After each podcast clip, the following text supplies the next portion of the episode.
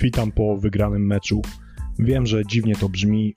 Odzwyczaiłem się od używania takich sformułowań, ale stało się.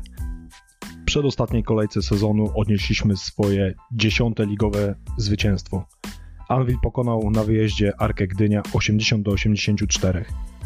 Jak widać po wyniku, spotkanie było wyrównane i emocjonujące, tylko że niestety te emocje to raczej były takich niskich lotów. Ale dobra, przed przejściem do sedna tematu, czyli samego spotkania, powiem kilka słów o takich sprawach okołomeczowych. A mianowicie zacznę może od y, postaci naszego trenera, czyli Przemysława Frasunkiewicza. Myślę, że dla Franca to spotkanie miało jakieś specjalne znaczenie, bo wiemy, że przez wiele lat był związany bardzo blisko z gdyńskim klubem. Przebywał tam od 2013 roku na początku jako zawodnik, a od 2016 płynnie objął pozycję trenera i pracował w Arce aż do początku bieżącego roku, gdy przeniósł swój warsztat do Włocławka. Dlatego myślę, że jak wspomniałem, ten mecz miał dla niego specjalne znaczenie. Gospodarze podchodzi do tego starcia trapieni licznymi problemami. Podobnie jak my, nie walczą już o nic. Arka ma również już od dłuższego czasu naprawdę spore problemy z kontuzjami graczy a na dodatek ostatnio jeszcze dopadł ich ten nieszczęsny koronawirus, co na pewno im nie pomogło, a tylko zaszkodziło. Dlatego mogło wydawać się, że to Anvil będzie tutaj murowanym faworytem. Anvil odniesie spokojne zwycięstwo. I zwycięstwo odnieśliśmy faktycznie. To cieszy, bo niezależnie od sytuacji każda wygrana cieszy, ale lekko nie było. Samo spotkanie rzeczywiście było bardzo wyrównane. Mam wrażenie, że taka przewaga optyczna była przez większą część meczu po naszej stronie, ale nie potrafiliśmy jakoś tego udokumentować e, w budowaniu własnej przewagi punktowej. Arka trzymała się nas bardzo blisko, grała ambitnie, nie chciała odpuszczać, przez to cały czas byli w grze aż do praktycznie końcowych sekund. Wynik tej konfrontacji długo był sprawą otwartą i emocji nie brakowało, tylko no właśnie emocji. Tutaj były te emocje, powiedziałbym, dziwne, bo mecz praktycznie nie miał żadnej rangi, nie miał żadnego znaczenia i spotkały się w nim dwa zespoły z dolnych rejonów tabeli. I niestety to kolejny raz było widać na parkiecie, bo to nie był jakiś popis e, widowiskowej koszykówki, popis solidnej koszykówki. To był po prostu słaby mecz, powiedzmy sobie to szczerze.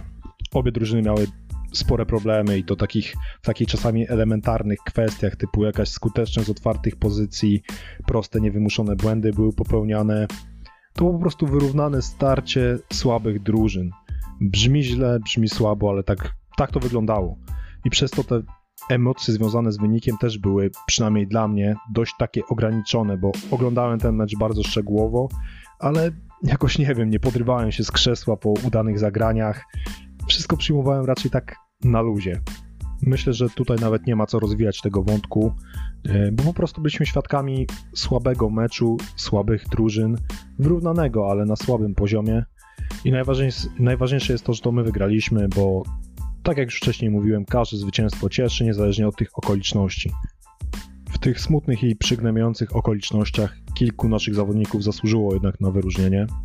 Przede wszystkim myślę, że jest to e, Kendall Dykes, który zagrał kolejne dobre, bardzo dobre zawody.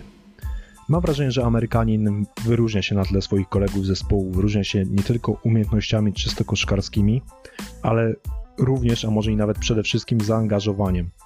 Wiem, że ostatnio wśród Rottweilerów brakuje tych cech, ale KD nie ma z tym problemu. Mam wrażenie, że ten facet cały czas chce, cały czas chce wygrywać, niezależnie od tej całej sytuacji cały czas chcę pokazywać się z jak najlepszej strony i dawać siebie wszystko. To zawsze będę cenił, to zawsze będę doceniał i za to zawsze będę bił brawa.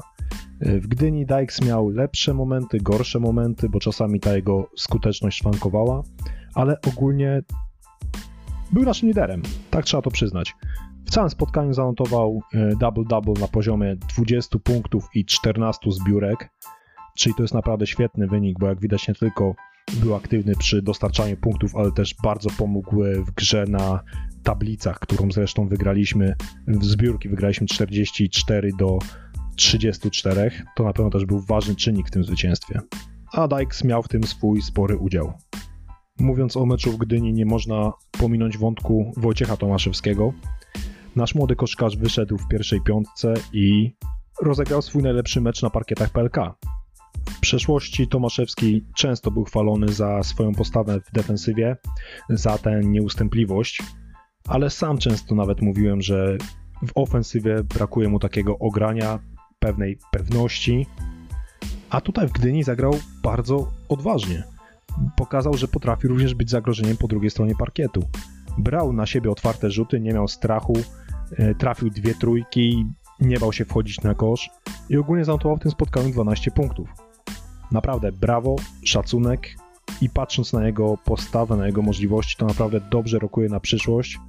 Za kilka lat możemy mieć do czynienia z naprawdę solidnym koszykarzem i tego, i tego mu naprawdę życzę, bo ten chłopak naprawdę widać, że chce, widać, że ma chęci, talent i ciężkiej pracy też się nie boi. Oby tak dalej. Ważną rolę w tym zwycięstwie odegrał niespodziewanie Przemysław Zamojski. Niespodziewanie, bo ciężko przypomnieć sobie ostatni naprawdę dobry mecz e, Zamoja. W Gdyni zapowiadało się, że będzie podobnie, bo szczerze mówiąc w pierwszej połowie był zupełnie niewidoczny. Na szczęście po zmianie stron zagrał o wiele lepiej. Trafił jakieś trójki, trafił szalny rzut tyłem do kosza, ale najważniejsze, że zachował zimną krew w końcówce. Miał dobrą pozycję na obwodzie w rogu boiska, przymierzył, trafił. No i to był chyba rzut, który był momentem przełomowym w tym starciu. Ogólnie Zamojski uzyskał 15 punktów, e, wszystkie w drugiej połowie oraz dorzucił, dołożył do tego 5 zbiórek. Oj, brakuje mi, brakowało mi w sumie takich występów za moja w bieżących rozgrywkach. Jak na zawodnika takiego kalibru to zaprezentował nam stanowczo za mało, ale to już temat na zupełnie inny odcinek. Wracając do meczu w Gdyni, jest jeszcze jeden zawodnik e, naszego Anwilu, o którym po prostu muszę wspomnieć, czyli Iwica Radić. Chorwat ponownie statystycznie wypadł super. Double-double na poziomie 14 punktów, 13 zbiórek, czyli pretensji, do tego przepraszam jeszcze 3 bloki, o tym też pamiętajmy. Czyli ogólnie pretensji mieć nie można. No jednak można. Radic ma duże problemy, aby przekonać do siebie swoją grą, a jego postawa w Gdyni nie zmieni tego, na pewno tego nie zmieni. Od początku meczu byłem trochę zaskoczony, że nie posyłamy piłek do swojego środkowego, bo w ostatnich spotkaniach często tak e, graliśmy i często to, szczególnie w tej początkowej fazie, przynosiło pozytywny skutek, a w meczu z Arką tego nie było. Radic nie dostawał tak wielu piłek, jak mogliśmy się spodziewać, a przecież przewaga pod koszem była raczej po naszej, a właściwie po jego stronie. No ale szybko przestałem się dziwić, bo Chorwat po prostu zaskakiwał, zaskakiwał w negatywny sposób swoją nieskutecznością. Radic przyzwyczaił nas już do tego, że można skomplikować sobie i nie wykorzystać nawet najprostszych sytuacji, ale to, co stało się w Gdyni, to, to była istna tragedia. Nie trafił pierwszych swoich trzech prób, to jeszcze nie jest oczywiście tak źle, bo później się przełamał, ale następnie było jeszcze gorzej. I po drugiej kwarcie schodził do szatni ze skutecznością na poziomie 2 na 10 środkowy, który miał 2 na 10 z gry. Na szczęście w drugiej części meczu było już lepiej i Radic nie trafił tylko jednego swojego rzutu, ale ogólnie, ale ogólnie zakończył to spotkanie ze skutecznością 5 na 14 za 2, czyli 35,7%.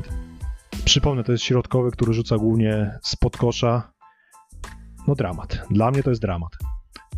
Raz przymierzył również z dystansu, trafił, czyli 1 na 1 za 3, ale to w żaden sposób nie ratuje jakoś jego skuteczności, oceny tego jego występu. A z ocenami występów Chorwata zawsze jest problem, bo z jednej strony no zdobywa te punkty. Zdobywa te punkty, to trzeba mu oddać. Co więcej, notuje mnóstwo zbiórek, to też trzeba mu oddać, ale ciągle w tej jego grze coś tam nie pasuje, więc dlatego ta ocena jest naprawdę ciężkim zadaniem. Dobra, o Anwilowcach co chciałem to już powiedziałem, ale muszę kilka chwil poświęcić na gospodarzy, bo na pewno swoją ambitną postawą zasłużyli na to. Arka to jest taki ciekawy zespół, który opiera się głównie, jak wszyscy wiemy, na Polakach. Jest tam jeden, jeden zagraniczny zawodnik, ale główną rolę i tak odgrywają nasi rodacy. I to w większości młodzi, naprawdę młodzi. Tutaj muszę przytoczyć przykład Mateusza Kaszowskiego oraz Marcina Kowalczyka, bo w meczu z Anwilem grali bardzo odważnie, bardzo wręcz przebojowo i bardzo skutecznie. Kaszowski zaliczył 16 punktów, a Kowalczyk dołożył 11 oczek. I naprawdę brawa dla tych e, chłopaków za ten występ i mam nadzieję, że ich kariera cały czas będzie pozytywnie się rozwijać. Ale w tej arce mają bardzo silne wzorce, tak bym to określił, bo jestem, jest też tam dwóch weteranów, których warto mieć na uwadze. Pierwszy to dobrze nam znany Krzysztof Szubarga w meczu z Anwilem 11 punktów, 5 asyst. I ten Szubi, mimo wielu lat na karku, nie chcę oczywiście nikomu wypominać nic, ale cały czas potrafi być groźnie, cały czas ma tą rękę ułożoną do tych wielkich rzutów i my boleśnie się na tym przekonaliśmy, bo przez jego akcję było blisko, abyśmy znowu schodzili z parkietu z opuszczonymi głowami. Drugim weteranem jest Filip Dylewicz, który podczas tego meczu wyglądał jak za najlepszych lat swojej kariery. Dylu zanotował double-double na poziomie 18 punktów, 14 zbiórek i przyznam szczerze, że naprawdę grał jak za najlepszych lat, a chłop ma obecnie 41 wiosen za sobą. To jest naprawdę fenomen, to jest naprawdę, można go lubić, można go nie lubić, ale trzeba przyznać, że to jest kawał dobrego gracza i cały czas to potwierdza. Szacunek dla tych wymienionych panów i szacunek dla całej Arki za to, że walczą pomimo naprawdę wielkich przeciwności losu. A i na koniec jeszcze muszę wspomnieć o jednej postaci z ekipy gospodarzy, a mianowicie taki ktoś jak Szymon Nowicki. Przyznam szczerze, do wczoraj nie kojarzyłem tego nazwiska, bo to jest jeszcze to jest jeszcze dziecko.